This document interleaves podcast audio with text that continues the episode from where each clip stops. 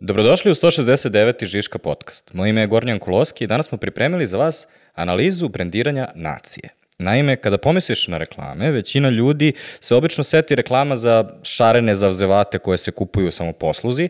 Fancy reč za to je FMCG, Fast Moving Consumer Goods, odnosno brendovi poput Coca-Cola, Plazme Gurane, A1, svih lokalnih piva i slično tome.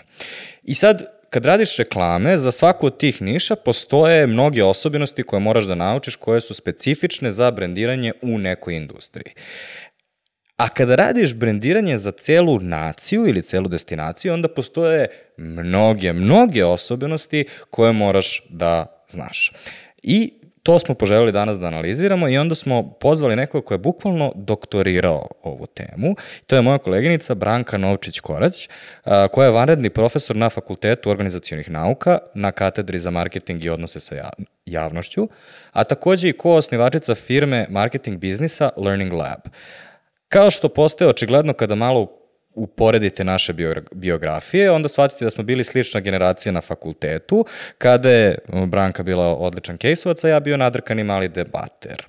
Nemojte googlati to. Branka, dobrodošla u Žiška podcast. Bolje vas našla. Vi slušate Žiška podcast. Uh, hajde objasni ljudima šta će uopšte jednoj naciji brendiranje? Čemu to? Pa u suštini e, a neophodno je baviti se brendiranjem nacije. Više to danas nije pitanje izbor, već je neophodnost, jer u zavisnosti od toga kakav te imidž reputacija prati, ljudi će odlučivati da li žele da dođu da investiraju u tvoju državu ili destinaciju, možemo je zvati područje koje god e, nivoa, da li će doći tu da studiraju i e, nije pitanje samo atraktivnosti, već toga koliko je to područje dobro za neku sferu života koja tebe zanima. Tako da više ne možemo da ostavimo to da neko drugi radi uh, brendiranje geografskih područja za nas, već time moramo se bavimo mi sistemski i dugoročno da bi prosto upravljali i tim segmentom koji je izuzetno važan. Na kraju dana sve ovo se i monetizuje, odnosno može dobro da se naplati. Kada recimo Volvo se brendira kao sigurnost, onda kada prodaje svoje automobile, onda može da naplati više novca za taj automobil nego i ekvivalentni automobil, zato što nije Volvo i nije siguran. Ali kako to, to je ono generalno kako brendovi uh, rade, uh, a kako to se onda manifestuje kada pričamo recimo o Brazilcima i futbalu ili Nemcima i inženjeringu? Neke od tih nacija koje pominješ uh, jesu te ključne asocijacije inkorporirale u svoje brand platforme na nacionalnom nivou, neke nisu. Znači, kod nekih su to samo asocijacije ili stereotipna povezivanja koje ih prate kroz istoriju, pa prosto i dalje tu stoje. Konkretno, Brazil još uvek nije radio na nekoj platformi na nacionalnom nivou za brendiranje, ali Nemačka jeste i apsolutno su prepoznali taj inženjering kao jednu od glavnih i vodećih prednosti koje ih izdvaja, definiše i karakteriše.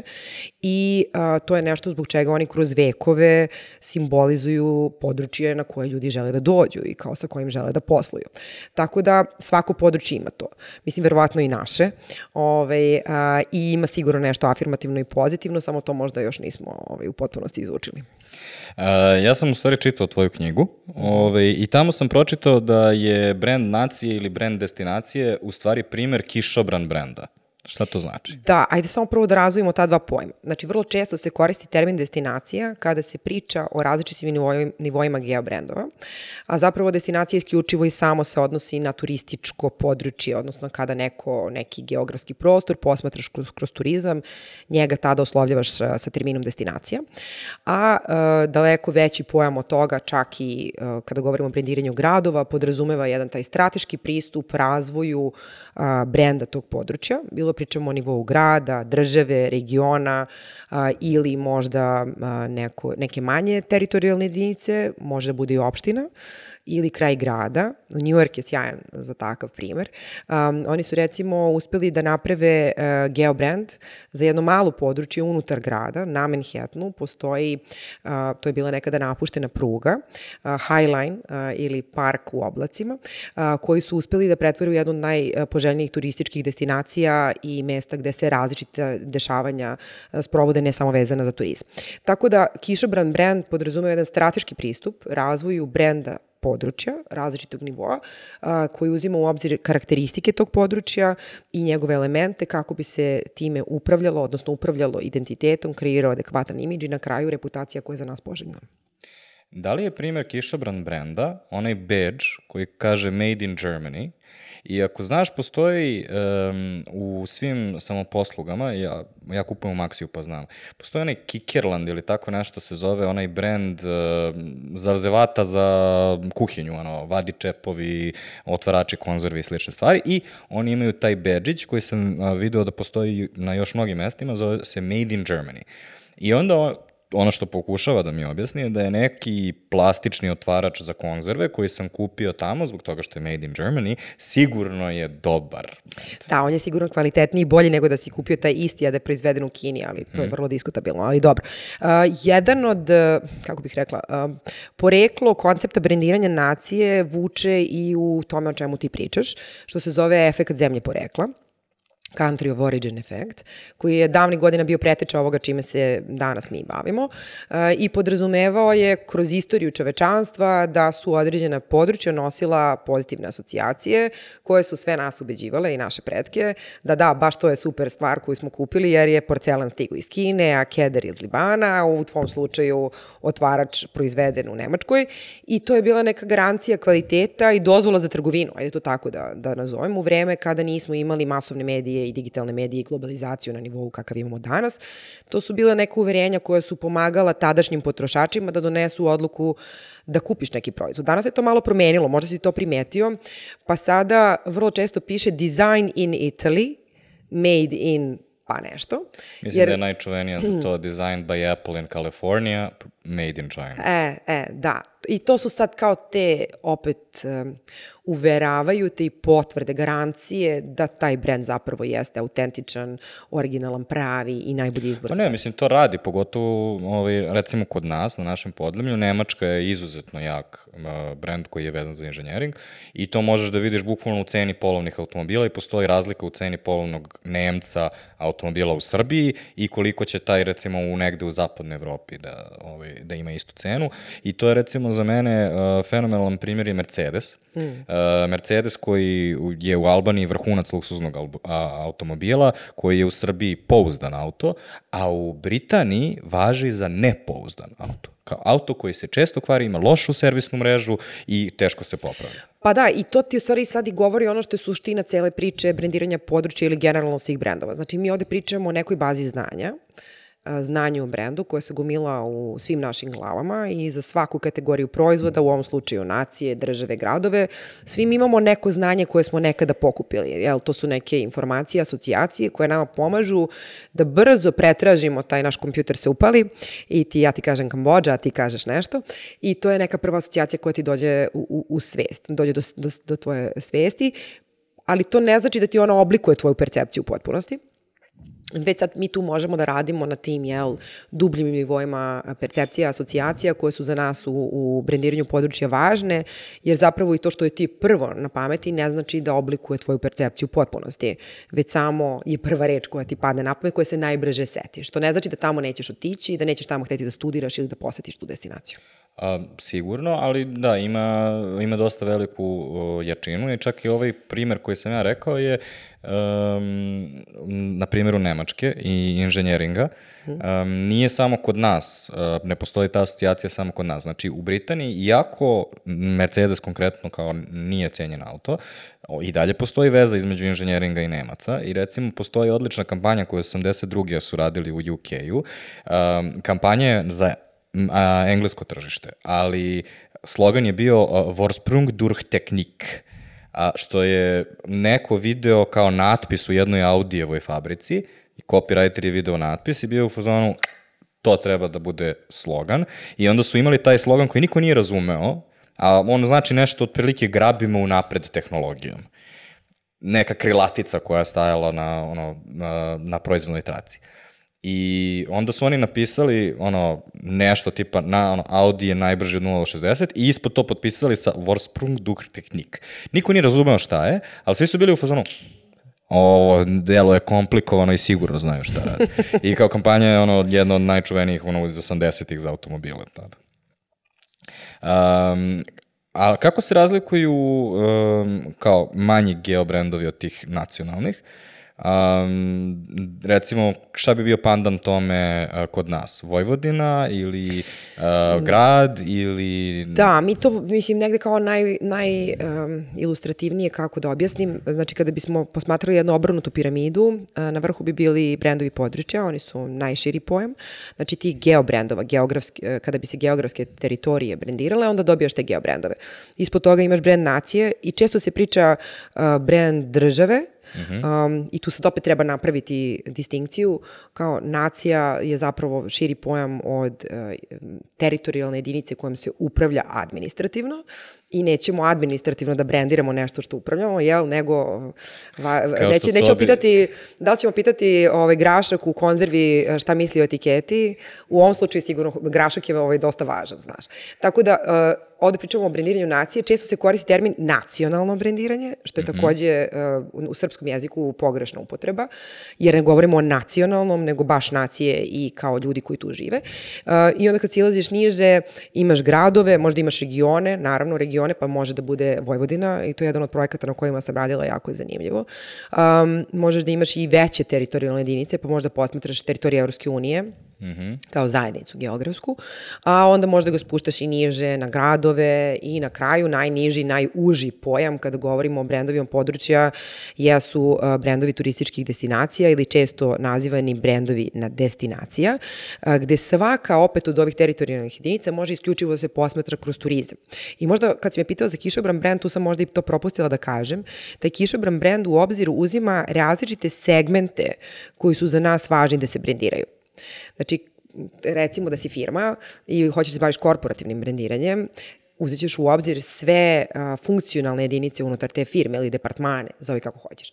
E ovde sad zamisli da smo se mi samo fokusirali na turizam i kao sad ćemo mi našu e, naciju da predstavimo isključivo kroz turizam, vrlo jednostrano i neće predstaviti sve ono što je nama važno i prodaće tvoj proizvod, u ovom slučaju naciju, samo kao turistički proizvod. A ako posmetate to šire, kao kišobran brand, uzet ćeš u obzir i investicije, i turizam, i a, kulturu, i sport, e, i umetnost, i administraciju, i infrastrukturu, ma mislim, apsolutno sve ono što je za nas važno. I onda ćeš dobiti da se to spušta kao na primjeru recimo Velike Britanije, o kom sam sigurno da ćemo posle pričati, to spušta kroz neke različite sektore na dobar način i dobijaš ono što je za brendove i najvažnije, tu monolitnost, standardizovanost, e, kontinuitet u komunikaciji koji je izuzetno važan. Znaš, to mi je odličan primer za to što pričaš. Jel se sećaš kampanje uh, The Best Job in the World? Mm -hmm. Samo je bio objavljen oglas za posao i mm -hmm. bilo je dobiješ uh, 2500 dolara ne, slagaću te dnevno ili nedeljno je tako nešto bilo, da čuvaš vilu na pustom ostrovu. Da. To je, to je odličan primer. Uh, to je uradila turistička uh, organizacija Queenslanda uh, sa idejom da jel, Queensland stavi na mapu i da kaže ljudi postoji ovo. Inače, to je isto super primer, zato što je dobar. Oni su konkurs raspisali u januaru 2009. godine, neposredno posle nove godine i hteli su tim, nazovi, mrtvim mesecima, da izazovu neku pažnju. I uradili su to na najbolji način. Opet, naravno, turizam je bio fokus i kao oni su nazovi najdalja tačka do koje možeš da dođeš i kao kako će, to da ti, kako će da te privuku uopšte da razmotriš mm -hmm. tu mhm. destinaciju, pa tako što će da to urade na jedan nesvakidašnji način. I super su to uradili. A, kampanja sigurno bila uspešna, ali takođe dobro dokazuje to što pričaš, zato što jako malo ljudi, jako puno ljudi se seća kampanje, jako malo ljudi se seća da je bilo za Queensland, a još manje ljudi bi onda moglo ne, išta da poveže sa Australijom. Yes. Iz toga da. bilo je ono, donekle me podsjeća kao na, znaš da imamo bilborde za Jahorinu svake godine, možeš da vidiš kao odradilo je taktički posao, ali znači ono nije deo nekog šireg pojma brendiranja nacije. Kada počinje prvi put uh, brendiranje nacije? Ti u knjizi pričaš recimo o primjeru Starog Rima. Pa negde, znaš kako, prvi tragovi koji mogu da se povežu uopšte sa tim, datiraju iz četvrtog veka pre nove ere Aleksandrim, Aleksandrom Velikim, za njega se vezuju. E, i negde se on u teoriji smatra prvim graditeljem brendova područja, onog što mi danas zovemo brendovima područja, jer je shvatio kao vojskovođa i upravitelj da od toga kakav će imidž imati neko područje zavisit će spremnost tadašnjih stanovnika da trguju sa tim područjem, da dođu tu da žive i a, da li su mirnodopski uslovi takođe dosta uticalo na situaciju. On je želeo da napravi prosperitetna područja koja uh, imaju dobru trgovinu, gde su dobri uslovi za život, uh, gde, ne znam, imaš čistu vodu i ostale mogućnosti, da bi ljudi tu došli da žive, što je dalje njemu jelo omogućavalo dugu i plodonosnu vladavinu. A kasnije, da... Pa sad, dok nije zapucao na Indiju. Ta, da, da, da. ha, dobro, svako, svako negde pogreši. Mislim, dobar je bio plan. Ovaj, vi, dobar, dobar je bio plan. Ajde da krenemo. Egzekucija, da, ne toliko. da, ovaj, ali da, e, negde o, o neke ozbiljnije obrise toga što mi danas nazivamo strateškim upravljanjem brendovima i kreiranjem brendova nacije možemo naći na primjeru Rimskog carstva. Iako je to daleko, daleko od onoga, mislim čisto da ne bude da sad, znači paralela je samo u obrisima. Um, I kao što su nam stari Rimljani ostavili razne neke stvari o, o amanet od, ne znam, pravnog sistema, arhitekture, infrastrukture i sličnog, tako su nam evo dali neke lekcije kada je brendiranje nacije u pitanju uh, i to su radili na majestralan način. I sad samo da stavimo to u perspektivu da, da ljudi shvate uh, prostor u, u stvari u vreme kada Rimsko carstvo bilo na svom vrhuncu, pokrivalo je teritoriju od preko 5 miliona kvadratnih kilometara. Znači pričamo od Atlantskog okeana Galije, danasnje Francuske, uh, do uh, Bliskog istoka, pa ne znam, gore današnja Nemačka i sever Afrike, sve je to bilo Rimsko carstvo i e, ta, nazovi homogena teritorija, zapravo nije bila tako homogena.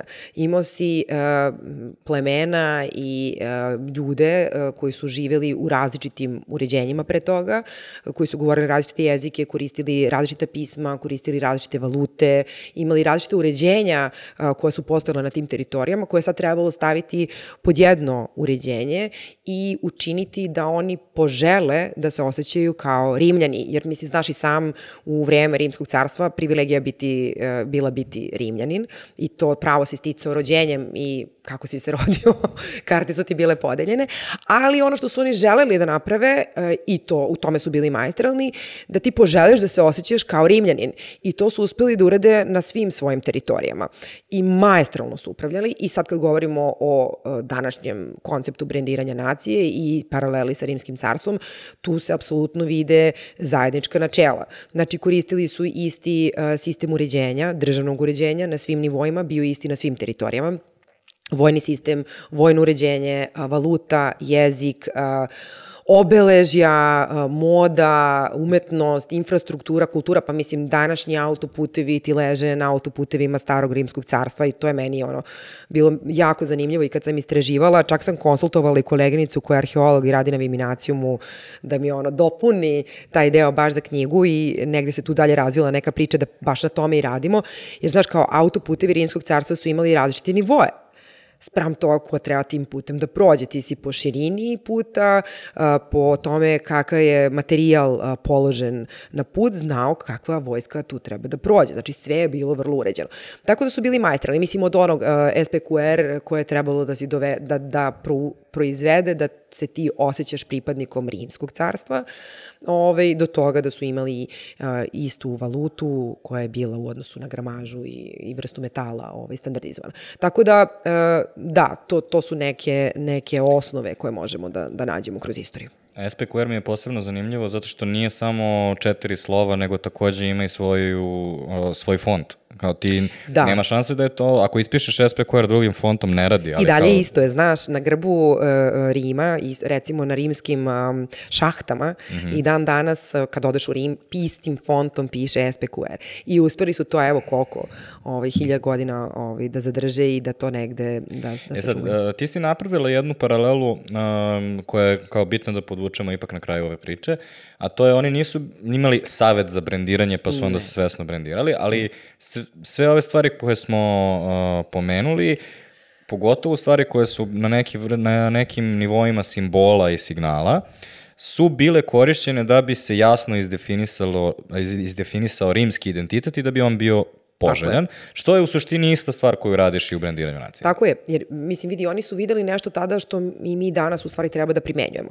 Da bi ti uspešno upravljao uh, nekom teritorijom i ljudima koji tu žive, ti moraš da im daš uh, kako bih rekla, jedinstvene mehanizme i obrazce. Ti moraš da imaš jedinstvene mehanizme i obrazce upravljanja u kojima će se ti ljudi prepoznati i tebi će tvoj posao upravljanja, upravljanja, da zove biti lakši. A kreiranje identiteta u kom se pripadnici neke teritorije prepoznaju je nešto što uh, je apsolutni imperativ uh, svakog donosioca odluke i upravitelja područja. Jer kao bez toga ti imaš totalni kolaps. Mislim, ako se prepoznaju različitim identitetima, veliki je problem. Tako da to kreiranje, mi ga zovemo nacionalni identitet, gde se ljudi prepoznaju iako žive na različitim teritorijama, pa kao imaš našu dijasporu koja se prepoznaje mm -hmm. god daje i prepoznaje se sa maticom, to je nešto što je prošt, prosto usađeno i, i sa čim m, svi mi stasavamo, kao nasledili smo to i sa tim stasavamo.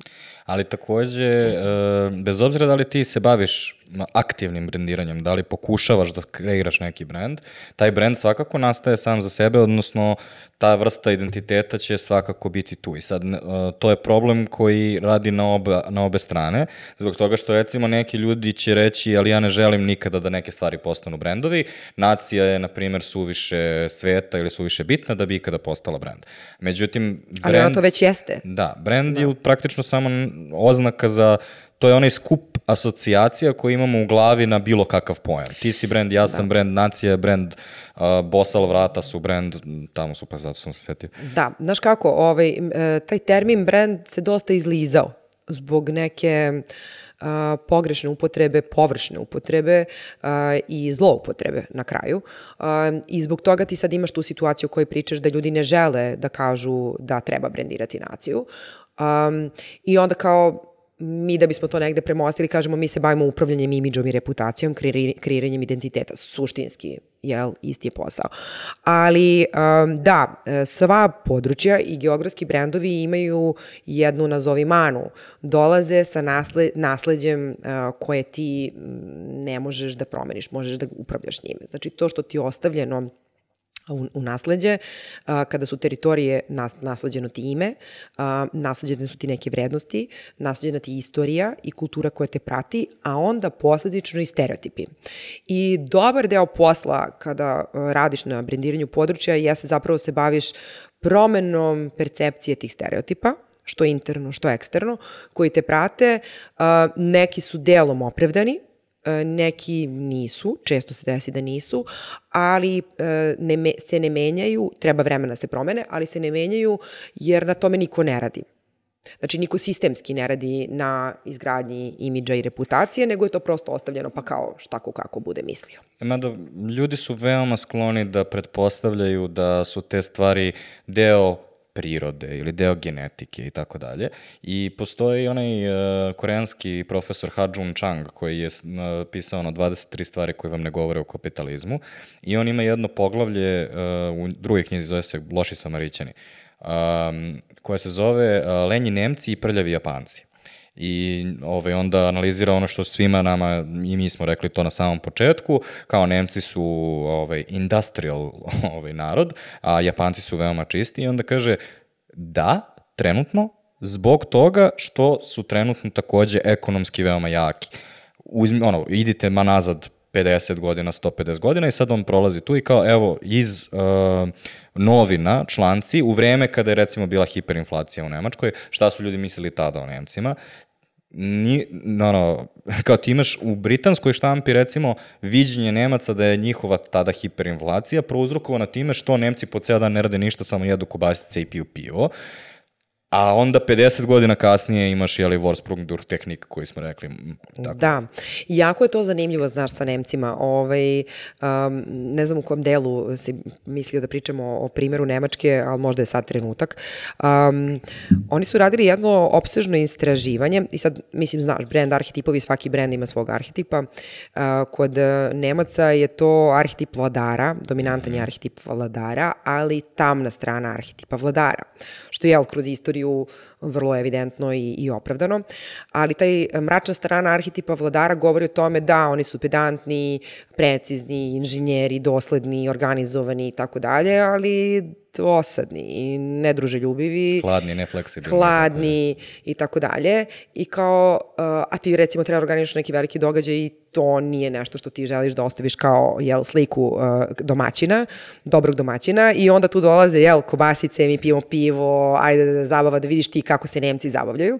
Ove, tako da, znaš, sa svim tim stvarima se treba poigrati i negde naći um, sredinu između onoga što s polja misle o tebi, što ti unutra misliš o sebi i da vidiš šta je to afirmativno što može s obe strane da se pokrene, da ne kažem triggeruje, pokrene, a da dovede do tog peglanja percepcije koje će biti dobro za tebe. Mislim da ti donese kvalitet, eto.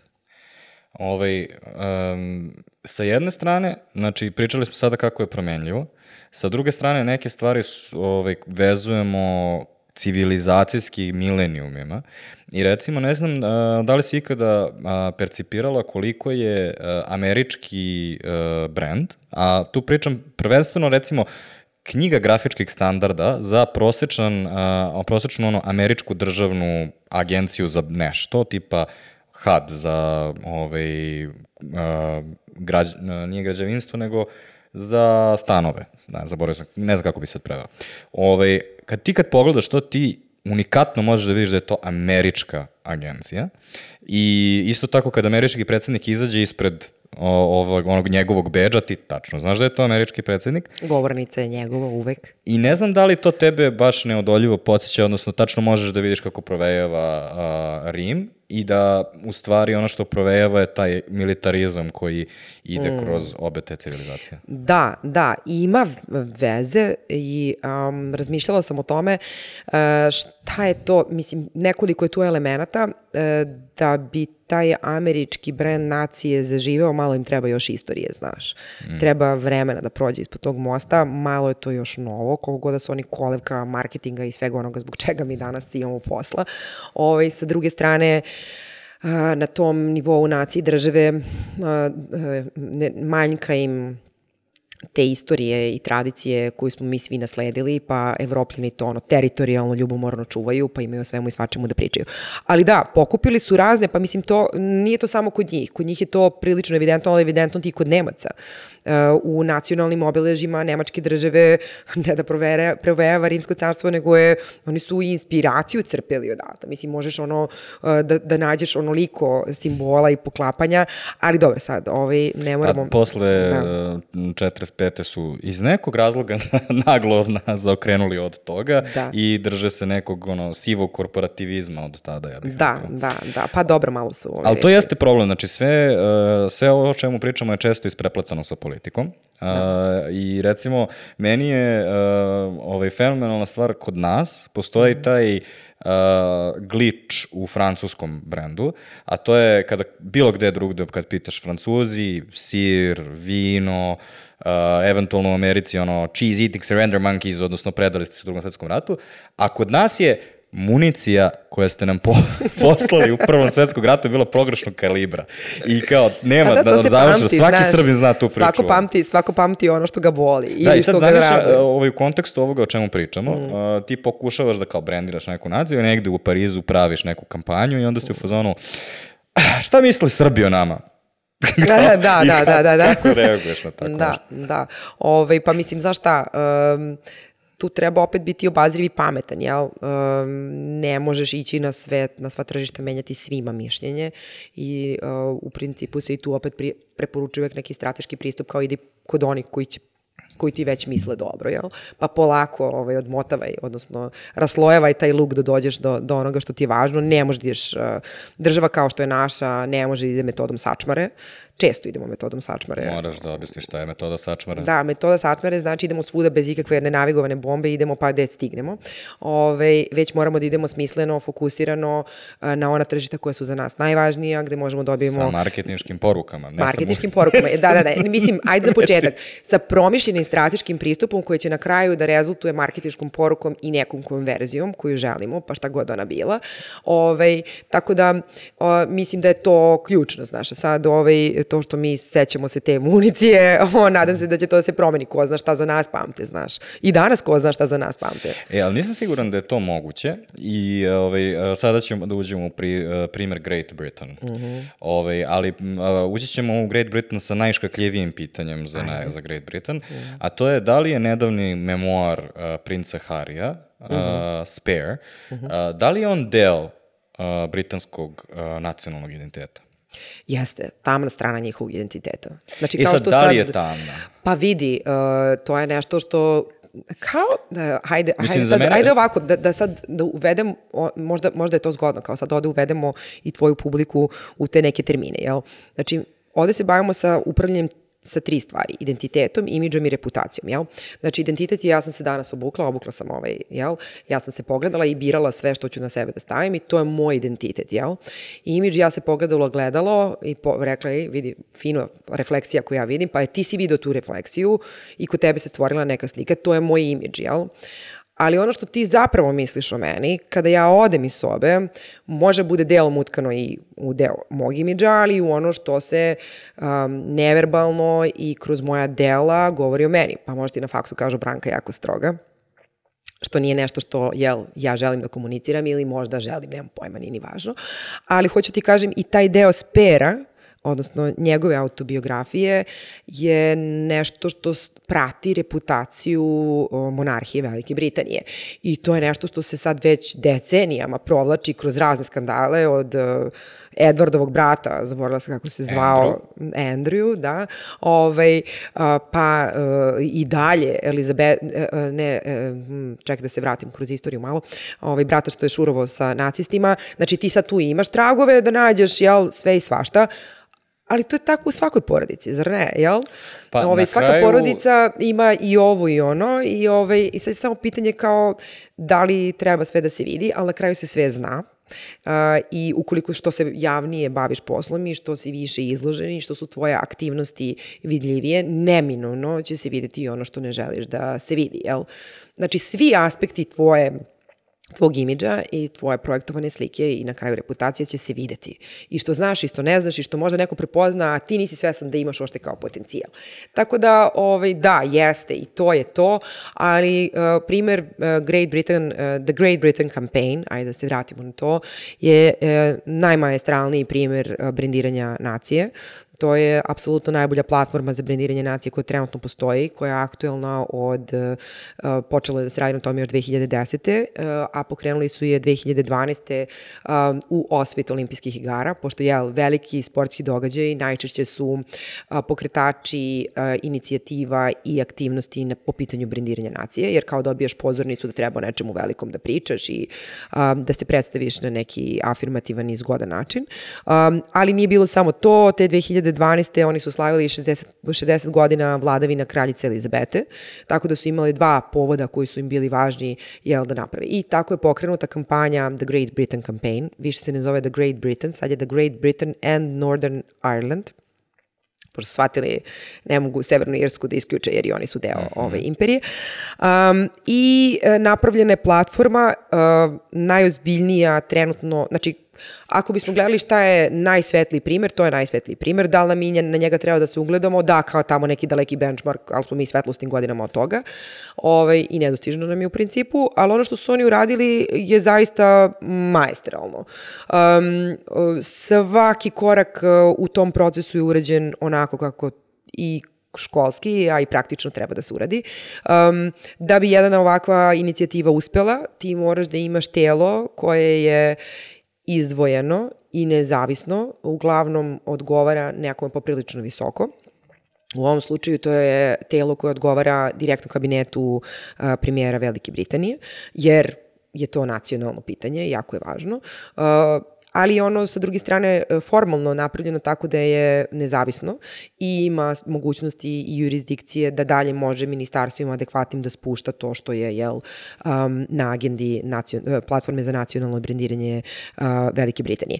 Um, oni su pronašli ono što je za njih uh, ideja oko koje je napravljena ta platforma je istinita i tačna i bazira se na reči great što je njima i u imenu i onda su vodili kroz uh, četiri stuba uh, koja su najvažnija za njihovu platformu, um, investicije i uh, trgovina, um, turizam, um, obrazovanje i preduz lokalni biznis, izvini. Um, I to zapravo jesu četiri ključne oblasti u kojima je Britanija dominantna. Uh, globalno I dominantna. ta kampanja je uključivala sve od nekih billboarda koji su imali ono veliki uh, ispis great, imali su neki device koji je činio tu kampanju distinktivno, mislim da je bilo neka uglaste zagrade, nešto tako je ličilo. Onda je bilo veliko slovo great, velikim slovima great, manje Britain. Da. Uh, onda su, kao vizuali su korišćeni simboli Britanije, to je Da. Big Ben, uh, je bio jedan od njih, E, pa glavni simboli su u stvari e, e, boje zastave. Znači, Mhm. oni se sve vreme igraju sa bojama zastave, znači teg je crvena i bela, one se provlače svuda. E, ono što je zanimljivo, recimo, znači oni su onda, na, znači kako se to sad tehnički radi, jel? Ti sad uzmeš, skupiš stručnjake koji rade stratešku analizu i strategije koji promisle šta je ta platforma, platforma se definiše, ona ima svoje fokuse, opet ne ideš metodom sačvare, ok, nego si se fokusirao na investicije, trgovinu, investiciju trgovinu kao jedno što je najvažnije, pa si onda uzeo turizam, što je isto važno, i obrazovanje, britansko obrazovanje je najprestižnije na svetu, jel? I kao lokalni biznis, ajde i to ćemo da podstaknemo. Uvek biraš još nešto što možeš kroz to da podigneš, što možda nije u fokusu, ali ima veliki potencijal. I onda krećeš u operacionalizaciju svega toga, jel? Mora bude istinito, mora da bude uh, opra opravdano na terenu. Znači, ne mogu ti ja kažem da sam ja dobro u visokom obrazovanju, a da mi nismo najbolji u visokom obrazovanju, lažem te. Ovo, pa sam ti kažem da smo great, jel? To je ovaj, tu važno. I onda to sprovode na terenu. Uh, način na koji su oni to sproveli je perfektan. Znači, opet su birali ciljena tržište da će to da sprovedu. To je sad prisutno u svim zemljama gde, gde Britanija na bilo koji način komunicira. Čak je i 2015. ili 14. u okviru uh, aktivnosti ambasade Velike Britanije u Beogradu bilo je nekoliko um, događaja koji su baš komunicirali Great Britain Campaign, pa su nam onda objašnjavali šta su sve to mogućnosti za ljude odavde, od trgovine do obrazovanja i tako dalje. Znači, svaka zemlja gde su prisutni sad ima komunikaciju toga. Uh, sam brand nacije je standardizovan uh, do perfekcije. Znači, uh, u praksi to podrazumeva ovo o čemu ti pričaš. Uh, vizuali su standardizovani, fontovi su standardizovani, ako je to neko određeno ministarstvo i to je standardizovano. Znači, nema sad svako ministarstvo za sebe. Znači, u turizmu smo malo folk, ali u sportu smo malo, ako je atletika, malo smo brzi pa letimo, a ako je košarka jedne godine smo malo ovaj, um, etno, a onda smo naredne godine bold i snažni. Ne, to je uvek Great Britain je Great Britain campaign i ona se svuda isto sprovodi i u sportu, i u kulturi, i u umetnosti, i u izvozu, preduzetništvu, turizmu, you name it. Znači ti onda imaš zasebne, pričamo organizacijono, zasebne jedinice koje to sprovode u delu to je, u našem slučaju bi recimo to bila i u njihovom slučaju turistička organizacija Velike Britanije, koja u segmentu turizma dalje to sprovodi uh, do kraja uh, i sad možemo da biramo šta hoćeš, ne znam, razvojna agencija ili šta već oni sada imaju, agencije za investicije, A onda, kada su birali čak i poznate ličnosti koji će biti ambasadori brenda, i oni su bili uključeni u taj narativ uh, Great Britain campaign. Zašto je Britain great? Sve vreme ti, i na kraju ti kažu this is Great Britain. I kao to stvarno, oni zaista jesu great, ubedili su nas u to. Evo, kažem, odličan je primer, ovo je 12. puna godina, ne, izvini, 11. godina da se to sprovodi. Um, a da, to možda je zgodno da se i ovde kaže, da bi se videli efekti, mislim, znaš, ova priča je super, ali često ne pije vodu na područjima kao što je naše, -hmm. jer za realizaciju jedne ovakve inicijative potrebno je nekoliko preduslova. Prvo, da bi video prve vidljive efekte treba ti 20 do 30 godina. Ovi, Balkanci nisu poznati po ovaj, toj dugoročnoj orijentaciji i mi se to brzo, brzo, brzo. Ovo, to je jedna stvar. Druga stvar, um, mora da imaš kontinuitet i konzistentnost. Znači, ta državna politika kad se donese, ona je doneta i nevezana od promene državnih administracija, um, ideologija ili politika, uh, ne sme da se menja, jer kao to si stavio da smo to mi, mi smo se to dogovorili i ajmo sad ti putem idemo. I oni to rade super. I to je nešto što se ne dira, to je bukvalno ono kao ovaj, Biblija. Da, meni je to sinulo kad sam bio u Danskoj. Um, bio sam u dizajn muzeju um, i to je, inače ne bi me privuklo da idem u dizajn muzej, zato što sam bio u Danskoj. I kao muzej danskog dizajna mi je bio već interesantan. I onda tamo kreće priča i to je ono, negde tamo napravili Bauhaus i onda mi donali Bauhaus i napravili ovu ključnu izmenu i od tada brand Danske je ne, neminovno vezan sa Dizajnom, da. I zbog toga ti u Danskoj možeš da imaš uh, veoma napredne audio uređaje kao što, ko, kao što je Bang Olufsen, koji su ujedno i obično najlepše dizajnirani uh, ovaj uređaj. Ali oni su na to bukvalno, veoma svesno na to putovanje krenuli, znači, pre 100 godina. Da. I to je ono što, što dodatno čini komplikovanom celu ovu našu trku, a to je mi dosta kasno dolazimo na zabavu i mnoge stvari su već zauzete. Kad bismo mi sad pokušali da budemo zemlja inženjeringa, ovaj, ne, kao, malo je teško da kažeš, ne Nemci, mi, verujte nam, ne. Da, ali znaš šta, ovaj, Mislim sad, onako to sad već mogu da kažem sa sigurnošću, e, svaka nacija, mislim i pojam nacije, pitanje na šta će to da liči za 20-30 godina. Ali ajde da kažemo, grupa ljudi koja živi na određenoj teritoriji zove kako hoćeš, pleme. Evo, možemo da zovemo pleme. Oj, ovaj, imaju neke svoje zajedničke karakteristike i imaju nešto što ih čine za, jedinstvenim i posebnim. Znači, pričamo o ljudima i zapravo zašto se mi bavimo, bavimo brendiranjem nacije, na kraju dana ono što zapravo čini tu teritoriju drugačijim su ljudi. Oni su ti koji donesu tu specifičnost, tu raznolikost e, i koji e, šire tu priču širom sveta, jel? I to imamo i mi. Imaju Danci, imaju Nemci, nešto je nasleđeno, nešto se menja, dosta se sporo menja, ali imamo i mi i um, ja, kod nas je onako dosta tu problematika više usmerena u pravcu što mi možda jasno, znaš, ovde su se stvari menjale u jako kratkom vremenu prilično često.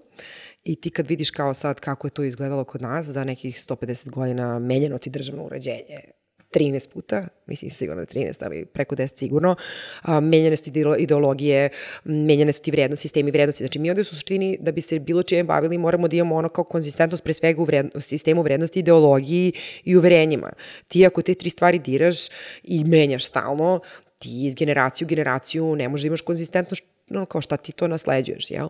A onda kako se to menjalo, a imali smo i one Turke pre, ovaj, pa smo izgubili deo svog identiteta i istorije, zapravo ovde se pati od jednog ono zaboravljenog identiteta. Mi smo u nekoj magli, znaš, ono, kukuski u magli, pa nismo sigurni gde smo i šta smo. I to kao sad Srbija nastupa samostalno, da, nastupa samostalno jako kratko. Ovaj, a onda e, i niko nije potegao pitanje hajde da se mi dogovorimo o kosmu. A ja duboko verujem da kada bi ti ono, dozvolio i našao adekvatne načine da pustiš ljude da su saglase, da bismo se mi dosta brzo usaglasili ko smo i šta smo i da bismo uspeli da pročečkamo, ono, ušli duboko u sebe i našli šta je to što nas čini drugačijim i posebnim. Mada to pitanje, znaš, često ovaj, prolazim sa nekim ljudima koji su uspešni, koji su radili neke velike stvari širom sveta i kao uvek se potegne kao zašto mi? I ja se sećam toga isto, znaš, kao mi smo bili, to kad smo bili keseri na faksu i kao odemo na neko takmičenje i kao jedne godine pobedimo, pa oni kao gledaju te kao, just, vi ste underdogs, kao vi tu ste došli slučajno, on se ovo desilo, pa ti si kao krenete, te radi onaj balkanski prkos, znaš, kao, ma nećeš ti meni, sad ću ja tebi da objasnim, pa se vratimo, znaš, pa kao pobedimo ponovo, onda vidiš te strance koji te gledaju kao, ha, hm, ovo nije slučajno, znači ovi klinci ipak nešto znaju, ovi ljudi imaju neki način razmišljanja koji je specifičan i drugačiji. I onda to mene navelo i ovo moje izučavanje cele ove oblasti znaš, da se pozabavim time šta to nas čini posebnim. I ti kad vidiš recimo i tog Nikolu Teslu i gledaš te neke znamenite ljude kroz našu istoriju koji su doneli, dali doprinos čovečanstvu, a bilo ih je, ti kod nas svih imaš tu jednu crtu zajedničku, imaš tu genijalnost i imaš um, uh, resourcefulness, odnosno snalaživost, snalaživost preko štapa i kanapa u ograničenim uslovima, što nam donosi uh, odgoj na ovim prostorima i život na ovim prostorima.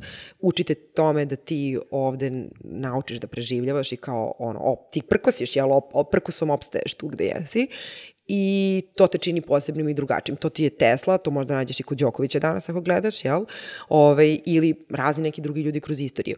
Um, I taj, kako bi me pitao, kao šta može, kako možemo Srbiju da brendiramo, možda si, krećem ti prerano ovu priču, ali nema veze, dobro je sad, trenutak je. Ne, sad si već ovaj, ušla u priču, znači, da, um, ali nisi, ovaj, trenutno ušla si na mala vrata u priču u smislu kao neki tvoj lični brainstorming, ali to da. nije samo lični brainstorming. Ne, nije, nije. Ti si nije, radila da. i neko istraživanje za ovo. Da, ovaj, e, mene je, zahvaljujući poziciji na kojoj sam ja i, i uh, tome što radim na fakultetu, imala sam tu privilegiju da sam mogla da uh, se bavim istraživanjem u oblasti brendiranja nacija i da sprovedem uh, do sada jedino istraživanje takve vrste koje se bavi ispitivanjem interne i eksterne percepcije. Um, to je istraživanje sprovedeno uh, u periodu od dve i po godine na uzorku od preko pet i po hiljada ispitanika u tri države. Targetirane su četiri sa Srbijom, znači Srbija i tri eksterno. I sad to je taj trenutak gde ne ideš sa sačmara, jer kad mi nemamo neograničene resurse i nećemo pitamo Kineze šta misle u Srbiji, jer kao to neće ništa da nam promeni u životu, ali kao gde ideš? Ideš da vidiš ko su ti ono tvoji prve linije ambasadora i ko je to prvi se kojim s kim si ti najbliže povezan. Moje istraživanje uh, je sprovedeno u Italiji, Austriji i Slovenija, uh, koje su i odabrane pod kriterijumu um, toga koliko su nama bliske i ne samo trenutno istorijski, um, društveno, uh, kulturološki, vrednostno. Ali ne previše. Uh, pa, Jer da imamo prišli... veze, znaš, te, veze, te sve veze imaju svoje gradacije, ali je suština da imamo veze i sa njima danas imamo i trgovinske veze i investicione i tako dalje. Um, I to su države koje su po razno raznim parametrima ušle u taj odabir kao naša prva linija ambasadora. Mislim to da ne davim sad, da ne dužim tu priču zašto. I naravno onda interno. Jer džabe tebi da ti ispituješ percepciju ako nisi uporedio šta mi mislimo interno i šta oni nama misle eksterno. Vrlo često se desi da te dve percepcije ne koreliraju, da postoji veliki jaz. Um, tako da eto, to je nešto na čemu sam ja radila u, u istraživanju uh, za svoj doktorat, na tome sam i doktorirala i uh, bazirano na tim podacima razvila sam i neki model za brendiranje Srbije, a ovo što sam ti sad rekla je opet proizvod nekih daljih priča. Ovaj, ovaj, i ono, mislim, mislim, mislim da ja to ono dnevno razmišljam o tome, iako možda ne radim dnevno aktivno na tome da se nešto desi. E, tako da, e, da, to istraživanje je trenutno jedino koje postoji, e, koje nam daje takve uvide i vrlo je zanimljivo šta zapravo otkriva. Ovaj, uh, jedno, mislim, da bi se bavio ispitivanjem percepcije brenda, kao i konvencionalnih brendova, ti se zapravo baviš ispitivanjem pre svega asocijacija.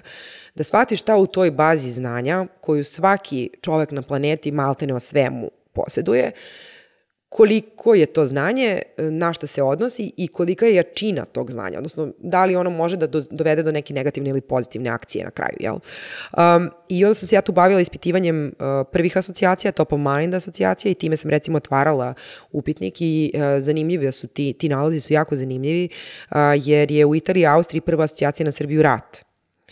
I uh, pa očekivano, jel? Ja, ja, ja, ja bih tako nekako i rekla, znači to je snažna negativna asocijacija koja faktički ispitujući sekundarne asocijacije, koje sad ispituju nekim drugim načinima, nije ni važno, ovaj, pokazuju da oni u stvari o nama nemaju negativnu percepciju. Ili je nemaju uopšte. Znači oni je, ili imaju one bliže pozitivnoj, opšta percepcija italijana i austrijanaca, ka Srbima je pozitivno neutralna ka tome da nema je. I imala sam situaciju, recimo u Italiji istraživanje mi je stajalo jedan period od nekoliko nedelja, jer e, ta prva test grupa nije htjela da mi odgovori na prvo pitanje. Jer pitanje kreće koja ti je prva asocijacija na Srbiju. A test ispitanici su mi bili ono edukovani školovani ljudi koji su, ja kao pa dobro, recite mi šta je problem, kao pa nas je sramota kao školovane ljude da ti kažemo da nam je prva asocijacija na Srbiju rat, jer mi treba da znamo bolje i mi treba da znamo više ali šta ćemo mi kad nam je prva asocijacija rat, što ne znači da ja o tebi mislim da si ti ono, tamo neki wildlings beyond the wall, daleko od toga, ali to mi je prvo što mi pade na pamet. I onda kad se ta barijera ovaj, uh, premostila i dobrim delom u tom, u tom periodu sam imala veliku pomoć naše ambasade u Italiji, uh, koja mi je pomogla da, pošto je ispitivanje u Italiji i Austriji sprovođeno među uh, pripadnicima poslovne klase, nisam imala neograničene resurse, ja sam morala se fokusiram opet na jednu usku ciljnu publiku koja mi je bila dostupna. I uh, onda je ambasada dala podršku istraživanju, uh, pozvala svoje partnere poslovne da odgovore i istraživanje je krenulo. U Austriji to bilo lakše, u Sloveniji još lakše, jer kako su ti veze jače i bliže, tako i spremnost na, na uključivanje u ovakvu vrstu istraživanja e, veća. Uh, ali kažem, zanimljivo je da iako je prva asocijacija negativna, uh, opšta percepcija Srbije i sekundarne asocijacije su snažno pozitivne ili neutralne, uh, što za nas zapravo predstavlja uh, jedan ozbiljan uh, jedan, prostor, znaš, mi imamo mogućnost, uh, koliko god mi ovde, a interno, mi mislimo da o nama s polja misle loše. I mi nikako da shvatimo da o nama s polja ne razmišljaju, uglavnom. Znači, to je sad kao ključni nalaz svih svih nalaza kao da li ti ja nešto znamo o Bangladešu, znamo sigurno. Da li nas nešto pretredano taj Bangladeš u životu zanima? Pa i ne baš. Da li bismo otišli u Bangladeš? Da bismo sigurno, razumeš?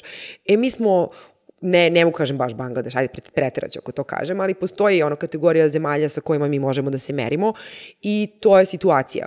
Spolja o nama ne razmišljaju. Ne bave se nama. Na, na, na, u svesti smo im i na pameti smo im isključivo ako igra Novak Đoković pa je osvojio, pa je to sad hype i to je strava.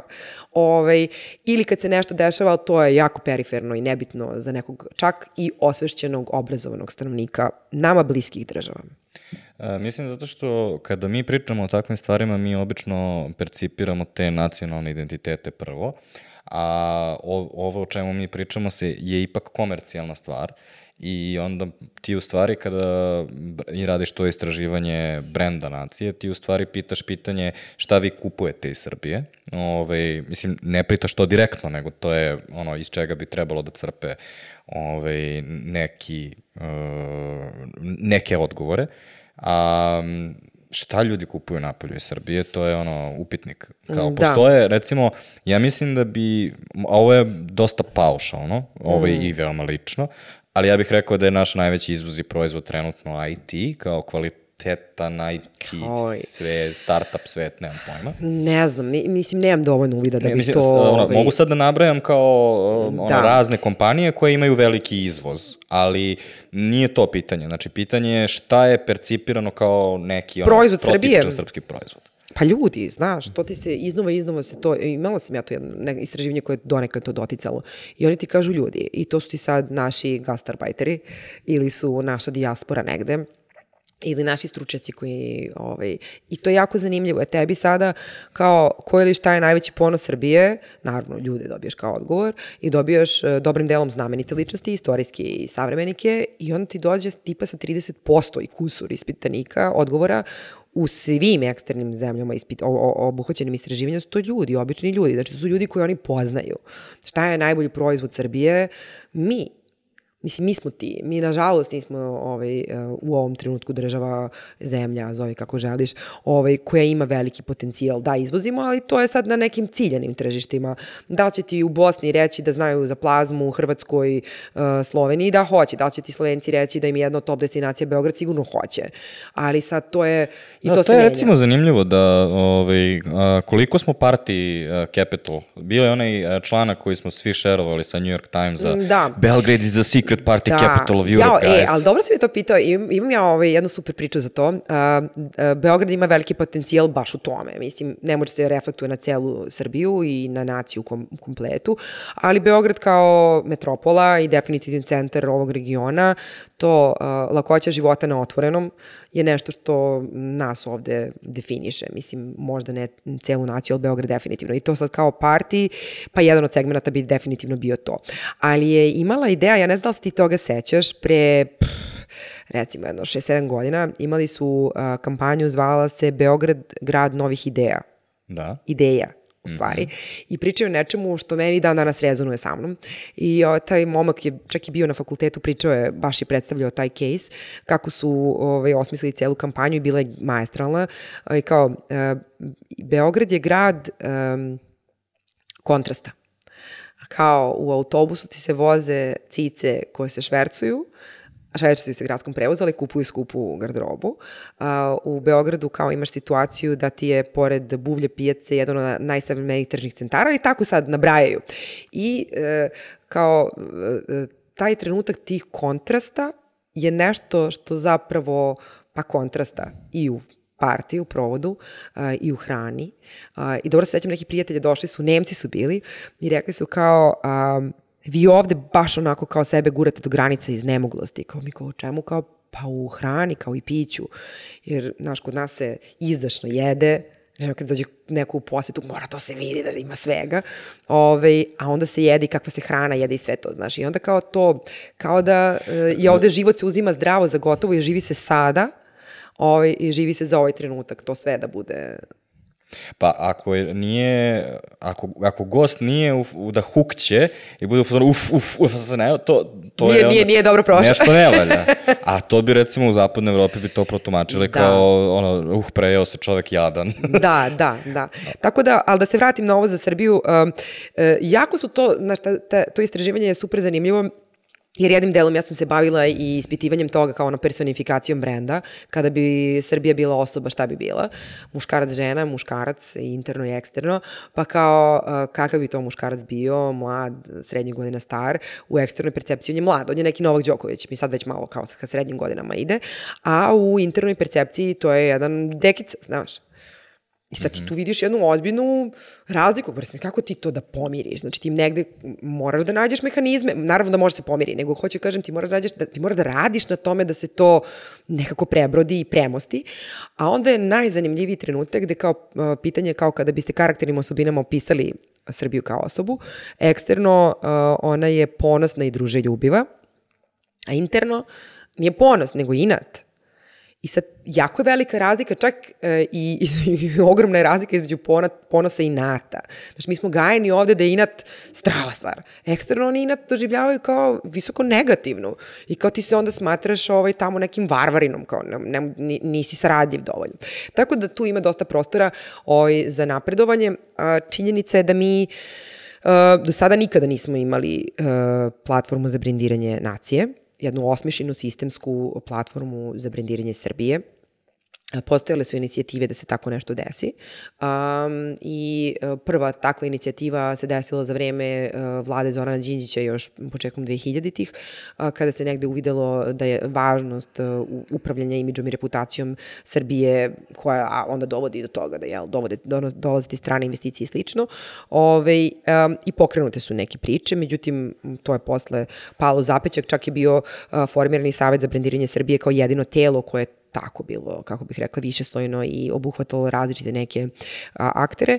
Um, Međutim, ta priča nije zaživela u potpunosti. Savet je rasformiran, ako se ja ne veram, recimo 2009. ili 10. Um, ono što negde stoji kao da su bili rezultati rada tog saveta je bila univerzijada, odnosno domaćinstvo univerzijade i Eurosong Marija Šerifović, tako da možemo ovaj, da debatujemo na sve te teme, ali eto, kao postojali su neke opipljive opipljivi rezultati. Posle toga su se sve inicijative kao i pre toga svele na pojedinačne aktere uh, koji se bave brendiranjem, uh, preuzimaju obavezu i odgovornost uh, komunikacije i brendiranja Srbije. Pa uglavnom dobar deo tih aktivnosti nosi turistička organizacija Srbije i koja to radi u domenu turizma i pristojno radi taj posao zaista, ali je to samo turizam i turizam kao takav nije dovoljan, on je previše uzak da bi mogao da napravi neke ozbiljne pomake kada je taj neki uh, državni nacionalni nivo u pitanju. I onda su se pojavile posle i neke druge inicijative. Poslednje u nizu je Srbija stvara, Srbija Creates, koja ima neku dobru misao, ideju, međutim, uh, apsolutno je izostavila internu javnost. Znači, sve te inicijative koje su do sada postojale, pa čak i kada se bavimo turizmom, nijedna u obzir nije uzela internu percepciju. Jer, znaš, jako je nezgodno baviti se ovim ako nemaš interni konsenzus. Jer i da li mi možemo postignemo konsenzus, pitanje je, ali je važno da se mi negdje saglasimo ko smo i šta smo. I početak cele priče zapravo i treba da bude tu ko smo mi i šta smo mi. A, a, a odgovor na pitanje da li to uošte može da se desi, pa imaš Sloveniju koja je to već uradila ali su bili snažno motivisani da to urade. Znači, Slovenija krenula da se bavi razvojem platforme za brendiranje nacije i oni su ti recimo na Good Country indeksu top 10 država, ovaj, što je fenomenalno. Oni su počeli time da se bave 91. godine. E, u stvari, lažem te, 90. pre nego što su se ocepili iz Jugoslavije, oni su shvatili da uh, će jednog dana postati prvi put nezavisna samostalna država u Evropi I rekli, pa hajde da se bavimo ovim pitanjem. I to je imalo svoje iteracije. I teško neko to uradi iz prve. Znaš kako to, ono, anglosaksonci su savršeni, oni imaju isti proces i stalno ga šteluju, šteluju, šteluju, popravljaju, uče iz tog procesa. A ne sad dođe, uradi Goran, pa Branka dođe, pa ništa Goran nije dobro radio, te, ja ću da ti pokažem kako je to dobro. Ne, Goran je dobre stvari uradio, da ja na tom Goranovom, ono, to je neki temelj, idemo dalje, idemo zidove, pa ćemo nekada napraviti tu kuću, znaš. E, Slovenci su to super uradili, I ovaj... Jedna od stvari koje su oni mm -hmm. uspeli da urade je, na primjer, oni su redefinisali svoje nacionalne boje. Jesu, što da, da. mi nikada nismo uradili. Mi smo pokušali da, da se držimo, pa sad, kako, kako koja reprezentacija, crveno, plavo, belo, no, da, ovaj, ali da, kao sad smo više da. monohromatični nego kad smo bili Jugoslavija. Da.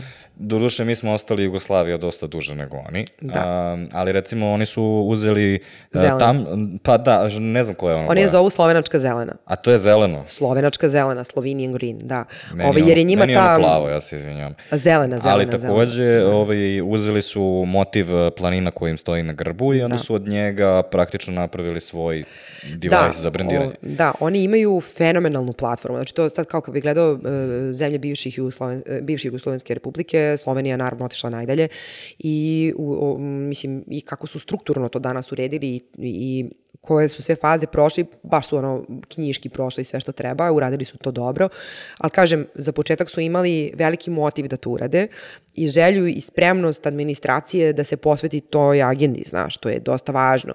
I sad ti ako vidiš da je to krenulo od 90. a danas je 2023. pričamo o 33 godine, znači oni 33 godine rade na tome i 33 godine su ispred nas u tom procesu i mi sada uradimo najgenijalniju stvar, opet će nam faliti vreme da se taj proces šteluje, ali, ovaj, ali nisu ni oni iz prvog to natrefili, znaš, i oni su u startu, recimo, njima je pristop 90. krenuo, sećaš se pristopa, krenuo da radi e, na ideji, ideji ovaj, za brendiranje Slovenije uh, i onda se to um, išlo je kroz turizam pa su shvatili da ne ide, onda su oni tamo negde početkom 2000-ih uh, dobili da predsedavaju Evropskom uh, komisijom i um, shvatili su da je to sad velika pozornica na kojoj će se oni prvi put pojaviti kao nezavisna samostalna država i prilika da se pokažu i dokažu i onda su uložili dodatne napore. Ali kažem, prepoznali su te interese svoje um, i uradili su nešto sada apropo tog konsenzusa nacionalnog uh, manje ih je, ne mnogo manje nego nas, ok, ali uradili su uh, ogromno interno istraživanje uh, koje je obuhvatilo negde oko 300.000 stanovnika, gde su pitali stanovnike Slovenije šta je Slovenija. I to je korak koji mi nikad nismo uradili. I pit, rekao si, super ljudi reaguju na LinkedInu što si ostavio pitanje. Ne, uradio sam ja, to ću postati ispričan. Da, da, da. Sve je rešeno. Ove, ovaj, da, da, da. Uh, I, i, i slič, i, uh, uh, E, stanovnici, znači, Grašak želi da zna šta piše na konzervi. I to je nešto što mi smo grašak, razumeš? Znači, ne možeš ti mene predstavljaš za ono što ja nisam, jer ja sutra to treba da isporučim na terenu. Ja, ti, svi mi ovde. E, e oni su to uradili i rekli, ok, ajde sad svi se uključite, uradili veliko nacionalno istraživanje, ne da je bilo sertifikovano, bilo je po svim parametrima perfektno, radili su ga kroz sve kanale i dobili su podatke nazad. I dobili su šta je to Slovenija i tako su dobili da je Slovenija zelena Odatle su oni vukli to. I a, zašto Slovenija zelena? Zbog zelene boje trave, zbog toga što su okrenuti zdravom načinu. Znači oni su posle sve to inkorporirali u svoju platformu, znaš.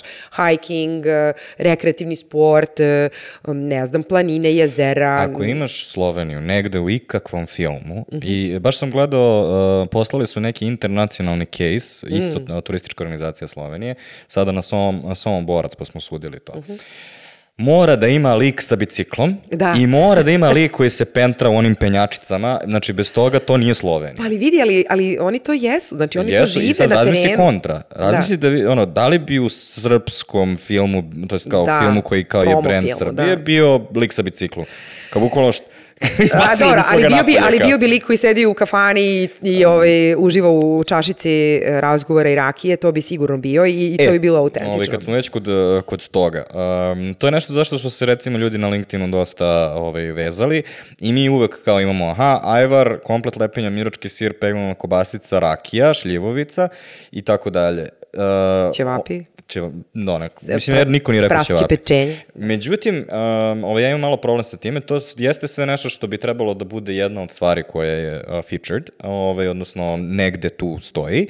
Međutim, uh, to nije nešto na čemu Ključno. možeš da za, zasnivaš brand. Da. I da. ovaj, recimo ti si već pričala o par koji su ljudi isto predložili. Daniel Vukičević je pre, ovaj, predložio Inat, a, Katarina Dragojević snalažljivost, o tome si obe stvari pričala. A Uroš Đurović je predložio još jednu zanimljivu stvar, a to je raskršće ovaj, svih vrsta. Raskršće a, hrane, arhitekture, kultura, raskršće puteva i taj melting pot koji, je, koji bismo možda malo maznuli od Amerikanaca. I sad ću te zamoliti da, pošto jesi van, vanredni profesor uh, fakulteta, da uh, skineš tu kapu i kao, reci mi sta, sad šta misliš o ovome? Znači, mislim? neobavezujuće. Da. Ove, šta mislimo o tim predlozima? Da, te, recimo, to su Da. ta tri neka koja deluju, od svih, svih što su predložili, deluju nekako dovoljno potentno da može da postane neki brand. Da, pa jedino tu što zapravo pije vodu, ovaj, je to raskrće, raskrće, svako će ti reći da je na nekom raskršću. Manje više, ako nisi izolovano ostrvo i nisi Island, mm. a možda bi Island mogao da nešto tu ovaj, objasni, svako će ti reći da je bio... Oni bi rekli da su prvo raskrćen vikinzi stojali Da, kod to nas, pa oni išli u dolazili. Ameriku. Da, to ti kaže, znaš, na- to raskrće, to niko ne može da klejmuje u potpunosti, uh, a i ako je neko klejmo, ako može, već je to neko uradio. Uh, tako da to ne, iako je to, recimo, narativ, zašto to ljudi često kažu, znaš, to kao, e, mi smo most između istoka, to je, to je narativ koji je ovde bio. Nije osobina. Da, da, da, i kao sad mi smo to kao, ne, ne, da, ovaj, ne. Um, pa, e, snalažljivost, ali ne bilo kakva sna- snalažljivost, preko štapa i knapa, jer ona onda inkorporira i to raskršće, gde ti ka, ali ti ga onda, e, mislim, nismo pomenuli primer Nemačke, on je super, jer, e, a sad ću napraviti samo kratko uvod u tu priču. E, Nemačka je 2006. za potrebe organizacije svetskog prvenstva u futbalu hm, rešila da napravi kampanju, nacionalnu platformu kasnije, koja se zvala Nemačka zemlja ideja. I da bi došli do inspiracije i istine, a reći ćemo opet, jel, oni su ono, arhetip vladara, predsjedno, znači to moralo bude tačno. Znači nije moglo bude ništa sem tačno. I poslali su svoje stručnjake, strategije i analitičare, da odu u arhive i da nađu nekoliko stavki koje su tačne, istinite i opravdane, sa kojima ljudi će da koreliraju, kroz istoriju postojanja Nemačke. I došli su do sto inovacije. Šta je to jedna stvar po kojoj je Nemačka prepoznatljiva kroz istoriju inovacije? Ne može sporiš, je li tačno? Tačno. I rekli, ok, ali nećemo mi sad tebi kažemo to su samo inovacije, jer kao ja ti kažem inovacije, mi smo rašk, raskršće, raskršće će svaku sad tu moći da ti ono, ništa nisi rekao, jedno opšte mesto. Sve rekli, ajde mi sada da a, artikulišemo to šta smo mi inovacije. Onda su izdvojili šest stvari koje su a, bile manifestacije tih inovacija. I rekli su Gutenberg, odnosno a, knjige, a, štampaća, štamp, štamparska mašina. A, onda su bile a, kopačke sa kramponima, a, braća Dasler. A, onda, Aspirin. Da, aspirin a, i rengenski snimak. A, onda su imali automobile, ali nisu, e, pre svega su mislili na dizel motore, pošto je to inovacija broj jedan potekla, ali i kompletnu autoindustriju od Maybacha, Benza, Daimlera, Porschea i ekipe. Um, imali su muzička dela i note, i uh, inovacije koje su dali u tom segmentu i ti onda vidiš da su oni to uspeli da spuste. Znači, mi više nismo ostali da mislimo kao konzumenti brenda Nemačke. Zašto je Nemačka? Znači, ti mi kažeš ona je zemlja ideja, mi inoviramo i evo ti Branka kako smo mi inovirali i ja kažem da čovječe kupio si me, zauvek si me kupio, pa vi jeste inovatori. I vi danas jeste inovatori i kad Nemačka kaže mi smo um, motor Evrope, oni jesu motor Evrope, tačka. I na kraju dana case najbolji ikada rebrendiranja u istoriji čovečanstva. Ali dobro. E sad, o, da se vratim na Srbiju. Znači, ono što je najistinitije za nas jeste snalažljivost. Uh, I tu snalažljivost bi ja najpre uh, istraživala i dalje razrađivala, jer ta snalažljivost preko štapa i kanapa jako lepo pozitivno, jer tebi trebaju kako ti kažem, uh, trebaju ti istinite stvari koje postoje na terenu, koje će, da- s kojima ćemo se prepoznamo ti i ja, ali i čovek u Žitorađi i gospođa uh, u, nemam pojma, u Brusu ili ne znam gde već uh, u Srbiji. Znači, svi treba u tome da se pronađu i to mora bude nešto naše zajedničko. I sad kad bi ti predstavio tu ideju srpske snalažljivosti, preko štapa i kanapa, jer to ti je Đoković, znaš, on kad priča svoju priču, on kaže ja sedam u svojoj sobi i, i mora pravim pehar do ono materijala koji sam imao, ja sanjao, pa do sanjao, pa mislim, a sad to šta je sve bilo ispre, između vremena nema veze, ali to je to, to kad gledaš Teslu, kao Tesla, to je radio, razumeš, kad gledaš sve te genijalne ljude koji su davde došli, svi su isto radili, bili su snalažljivi. O, ovaj, tako da bi ja istraživala tu snalažljivost kao osnovnu ideju, ali tu snalažljivost kao ideju može da preslikaš i na hranu, i na jezik, um, i na infrastrukturu, pa i na ove moje uh, različitosti uh, i kontraste, ja to je snalažljivost isto, znaš, on je uspeo tamo da nakači terasu, jer za Boga trebala mu terasa da preživi, jel? pa možemo da se i sa tim, mislim, sve to može da se ovaj, nađe, nađe na, napravi da, da pije vodu.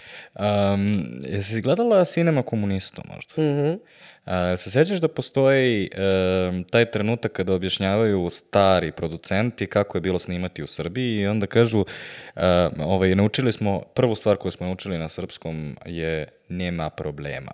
A to je, dođemo, deluje kao da će sve da propadne i onda za četiri da. sata nekako da. se stvori nešto što, ne, što bi nam, na primjer, u Kaliforniji trebalo deset dana da nađemo da. i da. kao neko je to izorganizovao da se desi. Da. A, mislim da jeste to jako potentno. Ove, ovaj, um, sa jedne strane snalažljivost je praktično isto što i startup, znači možeš da ga veoma jasno prevezeš u to.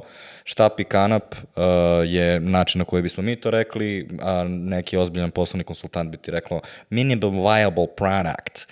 I onda kao to zvuči mnogo skuplja, ista je logika kao no, kako da napraviš prototip što brže.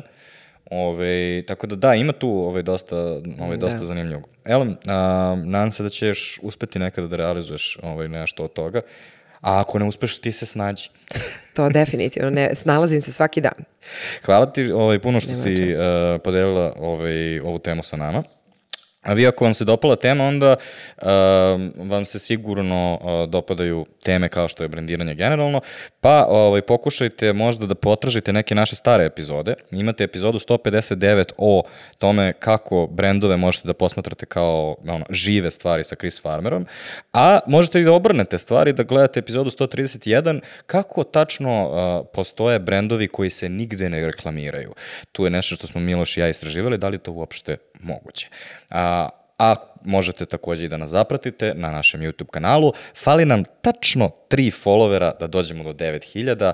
Ja mislim da sigurno ćemo među vama pronaći tih tri. I Uh, ovaj, imamo na, takođe, sprisili smo bilo gde na audio platformama, što je često zgodnije od YouTube-a, ono, nabijete jednu slušalicu u uši, perete sudove, šetate se, kupujete, radite šta god hoćete, a ono i dalje mi pričamo vama u uši. Želim vam do slušanja, jer podcaste niko živ ne gleda i odak da nađem neku novu žrtvu da pripremi neku narednu temu.